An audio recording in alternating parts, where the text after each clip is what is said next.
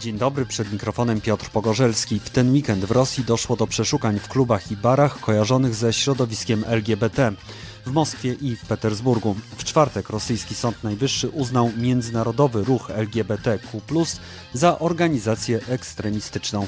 Łączymy się z Miszą Czerniakiem, pochodzącym z Rosji, a od 2011 roku mieszkającym w Polsce, muzykiem, tłumaczem i aktywistą działającym na styku religii i LGBT. Dzień dobry. Dzień dobry. Proszę powiedzieć, co oznacza przede wszystkim ta czwartkowa decyzja Sądu Najwyższego Rosji, która właśnie zakazuje międzynarodowego ruchu LGBTQ jako organizacji ekstremistycznej? Bo ja rozumiem, że jakby to, co widzieliśmy w ten weekend w Moskwie i w Petersburgu, to jest jakby efekt tej ustawy. No to jest, ona weszła ze skutkiem natychmiastowym, no i właśnie widzimy, co się dzieje. Jest wiele paradoksów związanych z tą ustawą. Z jednej strony formalnie według prawników ma wejść w życie dopiero w styczniu, ale jak widzimy są skutki już natychmiastowe.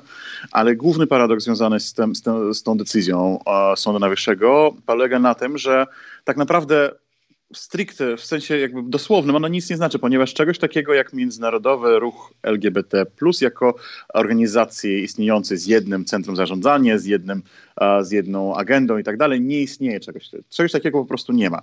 Natomiast to nie przeszkodziło mm, organom władzy rosyjskich uznać to coś, ten byt nieistniejący, za eks organizację ekstremistyczną.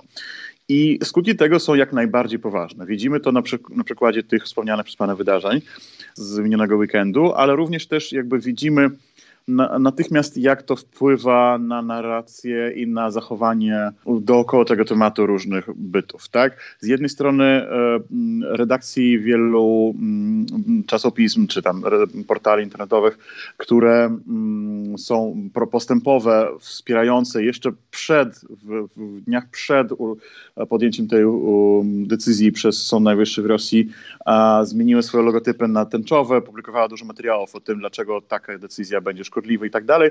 Z drugiej strony to też wiem, o, o, że w tych redakcjach teraz by, była refleksja, właśnie sprawdzenie, kiedy ta, ta decyzja sądu wchodzi w życie, ponieważ dla tych redakcji to, to również staje się niebezpieczne. Tęczowy mm, logotyp czy tęczowa symbolika w wersji tęczy sześciokolorowej staje się oznaką dla organów władz rosyjskich przynależności do organizacji ekstremistycznej, co oznacza, że będą za to przede wszystkim najpierw kary grzywny, a później również pozbawienie wolności, przy czym jest dość surowy wymiar do lat ponad 12 i um, też nie, ponieważ e, posiedzenie Sądu Najwyższego to było bez obecności ani, znaczy ani publiczności, no, nikogo po prostu nie było obecnych, tylko prokuratura i sąd, um, nie wiemy jakie były stosowane argumenty, nie, wie, nie wiemy do końca, jak jest to motywowane i co będzie to, to oznaczało. Natomiast taka atmosfera niejasności i, bez, i nieprecyzyjności jest właśnie na rękę władzom, ponieważ to znaczy, że to prawo też będzie stosowane wybiórczo i bardzo niejasny sposób, nieokreślony i nie ma sposobów wybronić się przed nim. Widzimy, że ten krok władz rosyjskich jest kolejnym krokiem w całym łańcuchu decyzji przeciwko osobom nieheteronormatywnym, osobom LGBTQ.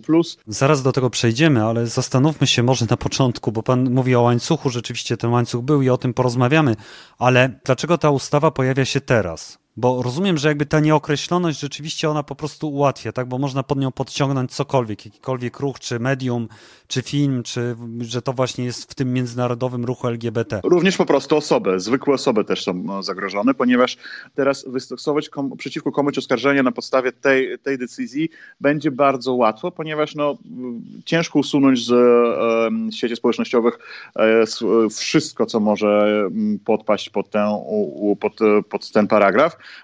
prawo w Rosji działa wstecz w tej sytuacji, jakby niezależnie od momentu publikacji e, materiałów, które uznawane są za ekstremistyczne i podpadasz po ten paragraf. Więc jakby to są przede wszystkim obawy są o los konkretnych ludzi, szczególnie aktywistów, ale nie, nie, nie tylko, bo taki materiał w, w sieciach społecznościowych mógł wrzucić ktoś, nawet za udostępnienie będą karane osoby, więc jakby to jest przede wszystkim nasza obawa, że to jest nie, tyle, nie tylko wybiórcze, ale też bardzo, to jest mm, stworzony konkretny mechanizm represji masowych. I niestety mm, jakby przewidzieć w sposób, w jaki on będzie realizowany, my w tej chwili jeszcze nie możemy, ale obawiamy się naj, najgorszego, ponieważ to jest sposób, który działa władze Rosji. I tak samo działały władze radzieckie, ale jest pytanie właśnie, dlaczego akurat teraz się przyjmuje taką ustawę? Nie mam odpowiedzi takiej pełnej i jasnej na ten temat. Powiem panu, że zawsze w sumie można szukać, um, że władze rosyjskie w tym momencie odciągają uwagę, potrzebują odciągnąć uwagę społeczeństwa od czegoś dużo ważniejszego, przykryć tym skandalem wokół, te, wokół tej decyzji coś, coś ważnego, coś, jakiś przekran czy coś. Natomiast też nie ma takich, mm, jakby nie wiemy, co dokładnie mogłoby teraz się dziać. No jest wojna, jest też niezadowolenie tym, że wojna trwa bardzo długo.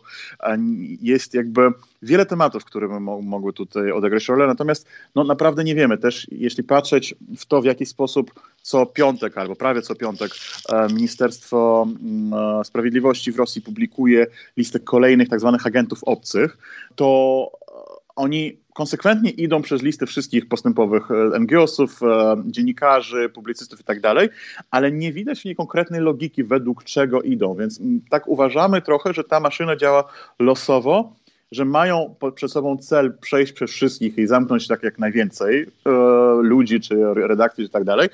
I podejrzewam, że też w tym kontekście doszło po prostu teraz do LGBT, ale jest jeden, e, też jedna jeszcze wersja, dlaczego to mogło się stać teraz, bo Władimir Putin teraz rozpoczyna swoją kampanię prezydencką, kampanię wyborczą. Przed nami e, rok wyborczy, w marcu odbędą się wybory prezydenckie w Rosji. Wybory w cudzysłowie oczywiście, bo mm, wybieramy między Władimirem Putinem i Władimirem Putinem i oczywiście wybierzemy Władimira Putina, tak, bo wersji innych nie ma. I um, Putin teraz niedawno przemawiał na dużym takim zgromadzeniu Ruski Narodny Sabor, coś takiego to się nazywa, to jest takie duże E, ciało, też o niejasnych kompetencjach i e, celach, na, na styku, na pograniczu właśnie Kościoła Prawosławnego a społeczeństwa. I przemawiając tam, Putin się mocno odwoływał do mm, tematu, który prawdopodobnie będzie jednym z przewodnich tematów jego kampanii, e, czyli tradycyjne wartości i wartości rodzinne, prorodzinne. I w tej sytuacji podejrzewamy, że możliwe, że ta kampania anty-LGBT jest jakby jej elementem. Przy czym Putin oczywiście nadal i jego poplecznicy obecnie mówią, że ale to nie jest kampania przeciwko osobom homoseksualnym, to jest przeciwko organizacji LGBT, na co zawsze oczywiście zadajemy pytanie, co to jest organizacja LGBT. Tutaj normalna dyskusja już się mm, nie odbywa, ponieważ e, racjonalnych argumentów tamta strona nie przyjmuje. Ten moment z jednej strony może być dość przypadkowy, ale wpisuje się w ich próbę pozyskania elektoratu przed wyborami marcowymi za pomocą zjednoczenia społeczeństwa, jak zwykle przeciwko wrogowi. A jak pan myśli, na ile jest prawdopodobny mm, taki układ, że jest to pewien deal z cerkwią, to znaczy cerkwią prawosławną rosyjską, jest to właściwie powiedzmy podziękowanie, odwdzięczenie się za poparcie działań wojennych na Ukrainie? Powiem tak, to nie jest wykluczone, bo w Rosji nic nie jest wykluczone.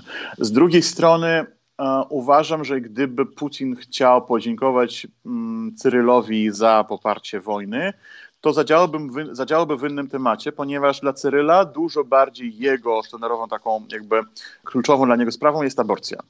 I w Rosji teraz trwa kampania mm, nakłaniająca kliniki prywatne do wycofania się z świadczenia usług aborcji e, kobietom, ponieważ um, kiedyś to właśnie było na odwrót, że mówi, mówiono, że państwowe nie powinny takich usług świadczyć, powinny tylko prywatne kliniki. Teraz jest na odwrót i teraz kolejne, co, co kilka dni słychać z kolejnego obwodu, że e, władze w tym regionie albo wprowadziły zakaz, albo dogadały się z klinikami prywatnymi, że system opieki e, zdrowotnej, prywatnej nie będzie dokonywał aborcji w, w tym regionie. I to jest temat, o nad którym naprawdę mm, sprawuje pieczę, znaczy bardzo E, konkretnie o ten temat dba i pilnuje tego tematu właśnie patriarcha Cyryl. Kampania przeciwko LGBT wprost e, nie jest jego jakby tak bardzo kluczowym tematem, chociaż oczywiście jak pamiętamy, jak Cyryl na samym początku wojny, znaczy pełnowymiarowej inwazji E, Rosji e, na terenie Ukrainy w, jeszcze w marcu 2022 roku powiedział, że, mm, e, że jakby usprawiedliwiał ten napad tym, że powinniśmy ochronić Ukrainę przed zachodnimi wartościami, między innymi przed paradami gejowskimi. Więc oczywiście narracja tam jest, natomiast według mojej wiedzy E, to posunięcie Sądu Najwyższego jest jakby nie jest wprost odpowiedzią na oczekiwania Kościoła Prawosławnego. Dobrze, to teraz porozmawiajmy trochę o tym łańcuszku, o którym pan zaczął mówić. Mieliśmy 2013 rok, to jest zakaz propagandy homoseksualizmu wśród nieletnich, 2022 rok to jest zakaz propagandy w ogóle nietradycyjnych stosunków seksualnych i pedofilii w kinie, internecie, reklamie i w przestrzeni publicznej. Co może być następnym krokiem? Czy my tu się możemy spodziewać na przykład takich prześladowań, jakby w Czeczeni w 2017 roku. Ja dodam jeszcze dwa elementy do tego łańcuszka. Na początku jeszcze, zanim była wprowadzona tak zwana antyhomopropaganda, ustawa o zakazie homopropagandy tak zwanej, a jeszcze wcześniej była podjęta ustawa, którą określono, mm, znaczy, że to jest y, ustawa imienia Dimy Jakowlewa. Rosja wprowadziła zakaz adopcji do krajów, gdzie są legalne małżeństwa jednopłciowe ponieważ według prawa takiego kraju to para jednopłciowa może adoptować e, dziecko na przykład z Rosji. Rosja um, chciała zakazać ze swojej strony, żeby rosyjskie dzieci nie trafiały, e, przepraszam, że tak powiem, w brudne łapska tych wstrętnych gejów, tak? Więc to był, to był taki pierwszy, pierwszy dzwoneczek, kiedy widzieliśmy, że Rosja zaczyna instrumentalizować temat e, homoseksualności w polityce wewnętrznej bo oczywiście skutek tego był tylko taki, że ta grupa dzieci, która akurat była w trakcie, w procedurze właśnie adopcyjnej na, do tych krajów typu Stany Zjednoczone, na tam, znaczy ciut później, albo w, tak, w innych krajów na świecie, gdzie, gdzie takie prawo już funkcjonowało, to był negatywny wpływ na los tych konkretnych dzieci, ale tak naprawdę poza tym to przede wszystkim był sygnał społeczeństwu, że twardo stoi, będziemy stać w obronie moralności. Później była ustawa o zakazie homopropagandy, w 2022 roku rzeczywiście ustawa o zakazie propagandy już wśród, wśród wszystkich kategorii społecznych, nie tylko wśród nieletnich, chociaż jak wszystkie reżimy populistyczne przykrywamy się przede wszystkim obroną dzieci. A w 2023 roku kolejny był też element tego łańcuchu. Putin podpisał ustawę o zakazie tak zwanej zmiany płci w cudzysłowie, czyli um, korekta płci metrykalnej i um, była zakazana i to jest był kolejny element już marginalizacji i um, no po prostu naprawdę rujnowania życia osobom transpłciowym w Rosji. Co, czego możemy się spodziewać teraz? To jest trochę taka wróżba, ponieważ no znowu prawo rosyjskie jest bardzo stosowane szeroko, wybiórczo i nieprzewidywalnie. Jak widzimy, będą, będą kroki takie e, zastraszające wobec wszystkich jawnie działających organizacji pro-LGBT, czy to kluby, czy na pewno będzie szersza jeszcze kampania przeciwko organizacjom LGBT. Te nie, nieliczne organizacje LGBT plus w, Ros w Rosji, które jeszcze działają, mimo tego, że mm, są agentami obcymi i tak dalej, jakby będzie im jeszcze bardziej utrudnione życie albo będą wręcz zamykane, ponieważ materiały, które będą mieli, będą uznane za ekstremistyczne i to będą mandaty i pozbawienie wolności dla ich liderów, tych organizacji i liderek. No i właśnie obawiamy się procesów już takich e, wytoczonych przeciwko osobom prywatnym, które będą uznane za ekstremistów i ekstremistki przez to, że jakkolwiek popierały nawet nie prawo osób homoseksualnych, tylko właśnie no, LGBT, szeroko pojęte przez, prawo, przez władze rosyjskie bardzo rozszerzająco to będzie traktowane i obawiamy się po prostu represji dość totalitarnych, dość takich powszechnych. Też spodziewamy się dużego, dużej fali queerowych uchodźców, w tym sensie, że jeśli będą takie osoby miały możliwość ucieczki z Rosji, to będą próbowały uciec do krajów bezwizowych dla Rosji, ale również też będą aplikować o azyl i o wizy humanitarne w konsulatach e, krajów w tym nawet Polski, bo wiem też, że są um, osoby z organizacji tęczowych z Rosji, które już otrzymały w Polsce wizy humanitarne, więc jakby to będzie też się szerzyło. Skalę przewidzieć ciężko, bo też no, wiemy, że osoby e, LGBT zwykle średnio należą do, do tej biedniejszej części społeczeństwa, ponieważ są pozbawione więzi społecznych, e, wsparcia rodzinnego i tak dalej. I mm, przez ten ostracyzm społeczny znajdują się po prostu niżej w hierarchii społecznej i mają mniej zasobów na szybką ucieczkę czy emigrację. Większość tych, którzy mogli i chcieli wyjechać wcześniej, już to zrobili. Obecnie będą uciekać ci, którzy naprawdę mm, mają ku temu najmniej możliwości i zasobów. Misza Czerniak, muzyk, tłumacz i aktywista działający na styku religii i LGBT. Bardzo dziękuję. I również dziękuję za rozmowę. A ja zachęcam Państwa też do posłuchania naszego czerwcowego wywiadu, naszej czerwcowej rozmowy, gdzie jest trochę więcej o tym backgroundzie, czyli o tym, skąd się wzięła ta nagonka na społeczność LGBT w Rosji.